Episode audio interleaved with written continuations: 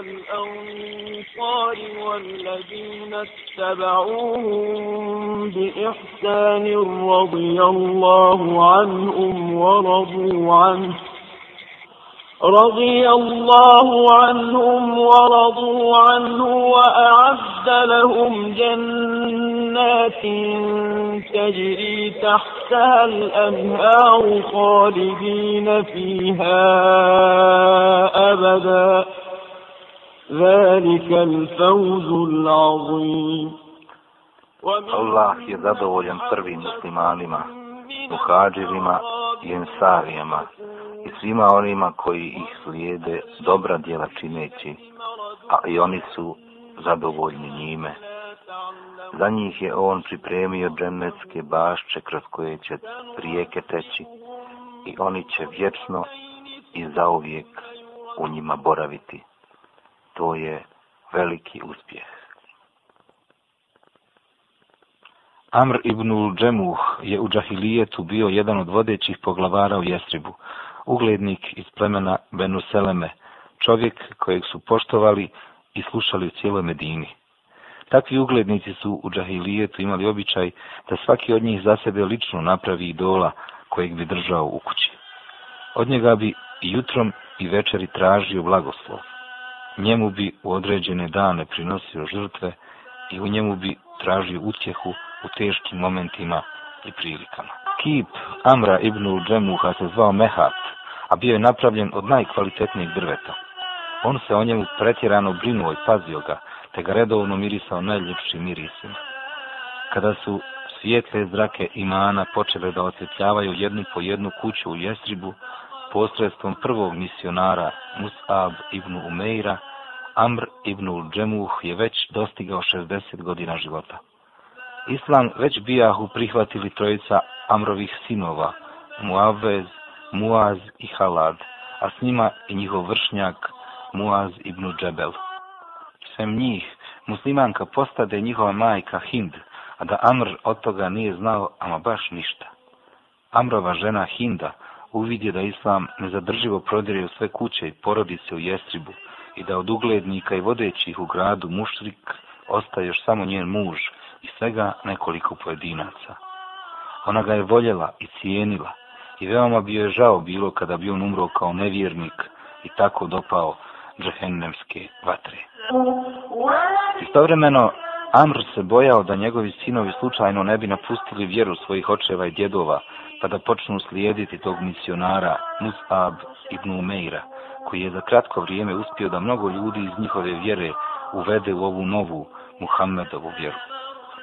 On reče svojoj ženi, O Hinda, pripazi da ti se sinovi ne bi slučajno sastali sa tim čovjekom, misleći na Musab ibn Umeira, dok ne vidimo ko je on u stvari.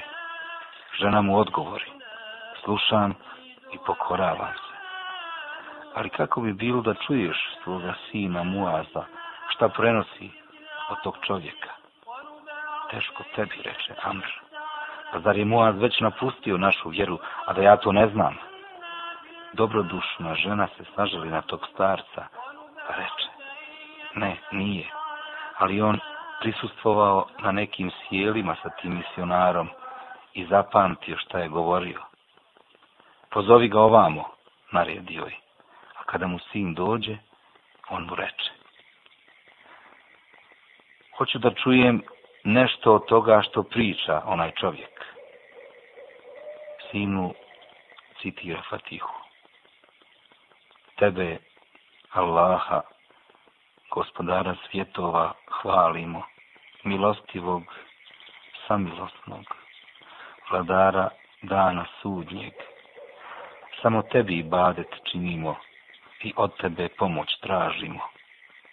Uputi nas na pravi put, na put onih kojima si milost svoju darovao, a ne onih koji su protiv sebe srđbu izazvali, niti onih koji su zalutali.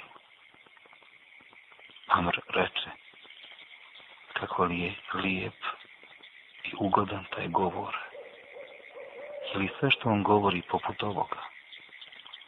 Muaz mu odgovori, ljepše od ovoga oče. Starac malo zašuti, pa onda reče, neću to učiniti sve dok se posavjetujem sa svojim idolom Menatom, pa da vidim šta mi on preporučuje. A šta bi ti to Menat mogao reći oče? Pa zar to nije obično drvo koje niti čuje, niti govori, niti šta shvata? Starac već ljutito doviknu. Već sam ti rekao, neću ništa uraditi mimo njega. Onda Amr ibn Džemuh ode svom idolu Menatu, a inače bi, kada bi htjeli da razgovaraju s njim, iza njega postavili neku staricu koja bi odgovarala u njegovo ime, onako kako bi mislila da je najbolji. Dakle, Amr skrušeno stade ispred idola, osloni se na svoju zdravu nogu, jer je na drugu bio ocijetno hrom, pa poče odavati hvalu svom idolu da bi na kraju rekao. O menatu, ne sumnjam da si ti već saznao za ovog misionara koji je došao iz Meke i koji ne želi nikom drugom zlo osim tebi.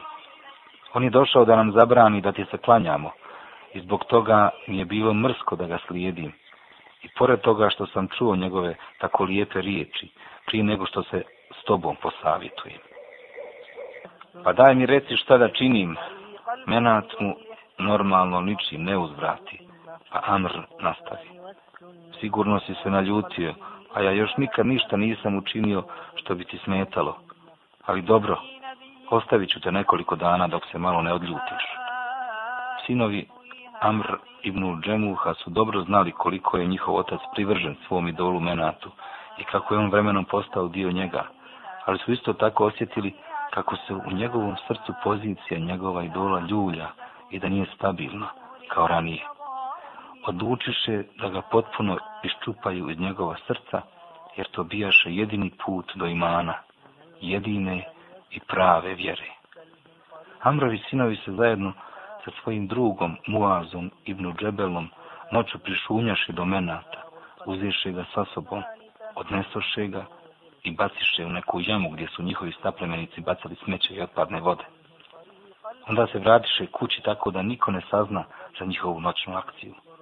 Kada je svanulo i Amr ponizno krenuo svom idolu da ga pozdravi, ne nađe ga te povika. Teško vama, koje si moć dirao naše božanstvo?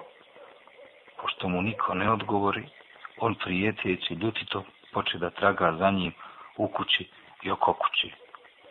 Na kraju ga pronađe naglavačke bačenog u prljavu jamu. Opraga, očisti i lijepo namirisa, pa ga ponovo vrati na isto mjesto govoreći. Boga mi kad bi znao ko je ovo učinio, loše bi se proveo. Sljedeće noći mladići opet izvršiše napad na menata, pa s njim učiniše isto što je prvi put. Kada se starac probudio, ponovo ga ne nađe na svom mjestu, ali ga opet nađe u onoj prljavoj jami. On ga ponovo očisti, opra, namirisa, te stavi na njegovo mjesto. I tako su mladići činili sa idolom svake noći. A kada starcu to dosadi, dođe mu jednom pred spavanje, uze sablju i objesi mu o glavu pa reče. O menatu, stvarno ne znam ko ovo s tobom stalno čini, ali ako u tebi ima kakva dobra, odbi sam zlo od sebe. Evo ti sablja pa se brani. Onda starac ode na spavanje, a kada mladići vješe sigurni da je duboko utonuo u san, prikradoše se kipu skinuše sablju sa njega i odnesoše ga van kuće. Onda ga užetom privezaše za nekakvo uginulo pseto i tako zajedno ih ponovo baciše u istu jamu gdje su se zakupljale otpadne vode i smeće plemena Benusaleme. Kada se ujutro starac probudi, a pa ne nađe svog idola, potraži ga i nađe bačenog na lice u najgoru prljavštinu, vezano za krepalo pseto jaše razoružan jer mu je sablja skinuta sa glave. Ovaj put on ne izvadi kipa iz jame, nego ga ostavi gdje je bačen i ode govoreći u stihovima. Boga mi, da si ti ikakvo božanstvo bio, ne bi skupa sa paščetom u ovoj jami boravio.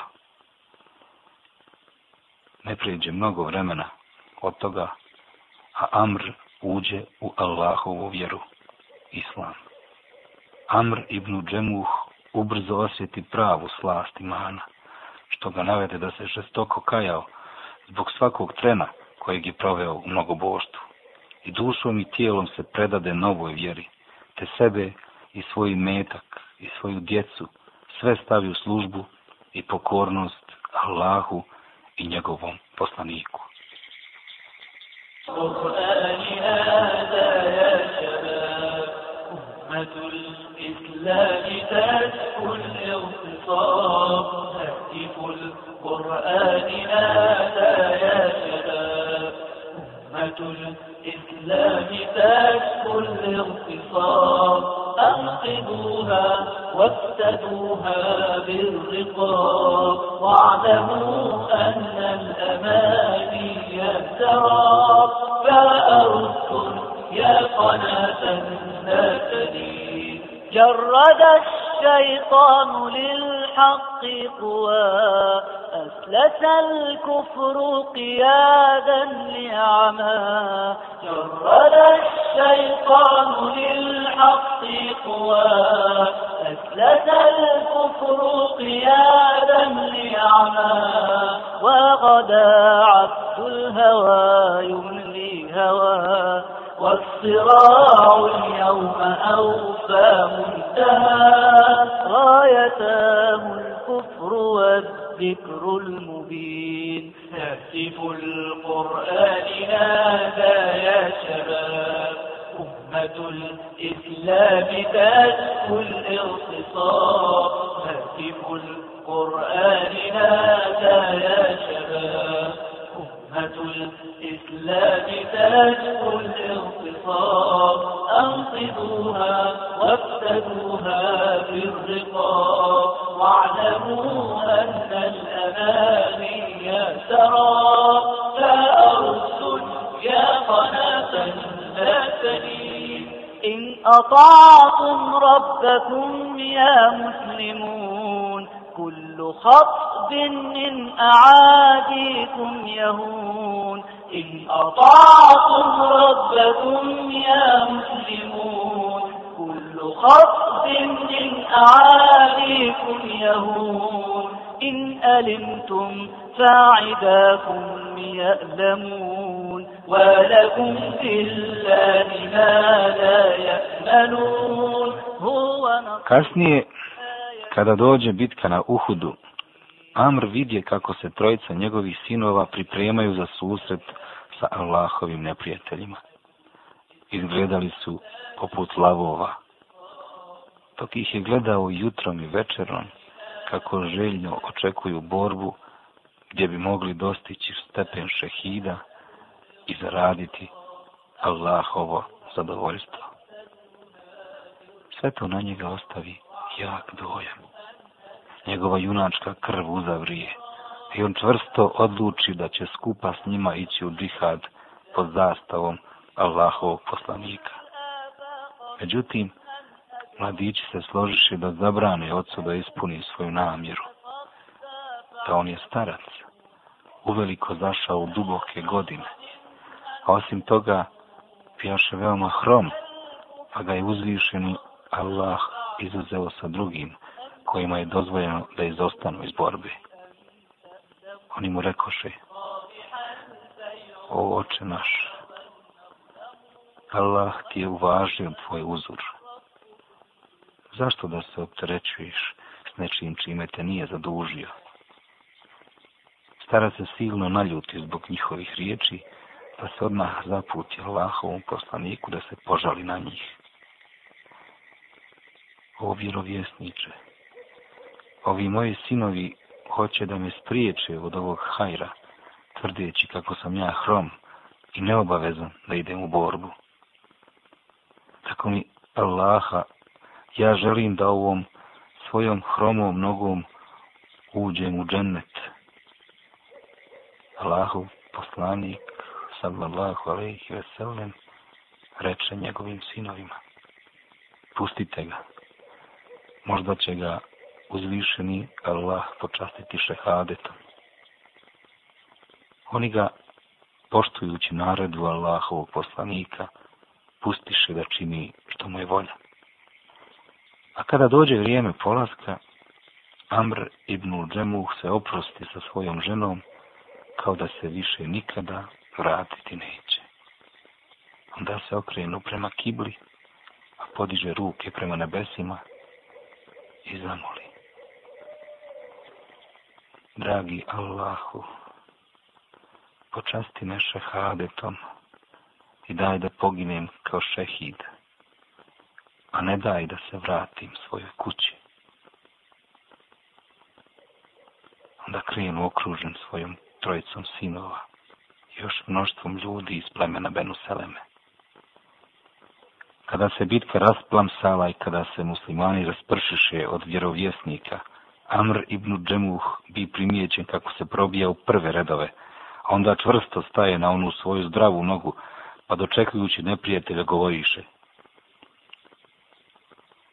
Ja jedva čekam da zaradim džennet, željno očekujem džennet. Iza njega je stajao njegov sin Halad. I tako su neumorno starac i njegov sin odbijali neprijatelje od Allahovog poslanika, sallallahu alaihi ve sellem, sve dok oba nisu poginuli, kao šehidi. Između preselenja oca i sina bilo je svega nekoliko trenutaka. لا تقل مات الشهيد Allahu poslanik sallallahu alejhi ve sellem naredi da se šehidi Uhuda pokopaju govoreći Ostavite ih tako sa njihovom krvlju i ranama ja ću za njih svjedočiti na sudnjem danu onda dodade koji god musliman bude ranjen ili pogine na Allahovom putu, doći će na sudnjem danu a njegova krv će teći. Boja će joj biti boja šafrana, a mirisat će poput miska. Na kraju, vjerovjesnik reče, Amr ibn Uđemulha, pokopajte sa Abdullahom ibn Amrom, jer su oni i na ovom svijetu uvijek bili skupa i voljeli se. Neka uzvišeni Allah bude zadovoljen sa Amrom ibnul Džemuhom i ostalim ashabima, šehidima sa Uhuda i neka im osvijetli njihove kabure.